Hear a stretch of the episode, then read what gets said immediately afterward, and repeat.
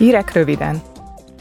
A parlament és a tanács a héten megállapodott arról a jogszabályjavaslatról, amely az interneten vagy más helyi hálózatokon összekapcsolt termékek és a hozzájuk kapcsolódó szolgáltatások használata során generált adatok megosztását hivatott szabályozni.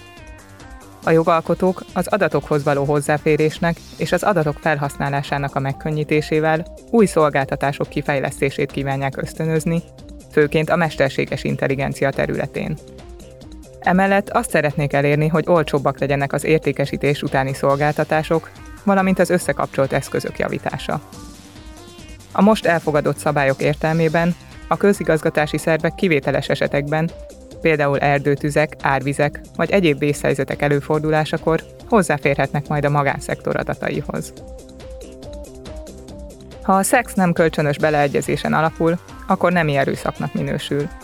Erre a megállapításra jutottak a héten elfogadott jelentésükben az állampolgári és a nőjogi szakbizottságok. A képviselők azt szeretnék, hogy az unión belül legyen egységes a nemi erőszak meghatározása, és a beleegyezés tényét vegye alapul.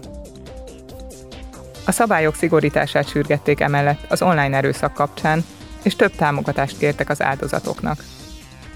Véleményük szerint súlyosbító körülménynek kellene tekinteni a közszereplőket érő támadásokat, valamint az anyagi haszonszerzés céljából, illetve a becsület védelmére hivatkozva elkövetett bűncselekményeket.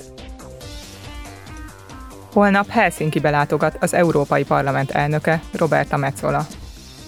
Az európai vállalatvezetők 2023-as Sarki Fény elnevezésű csúcs találkozóján fog felszólalni.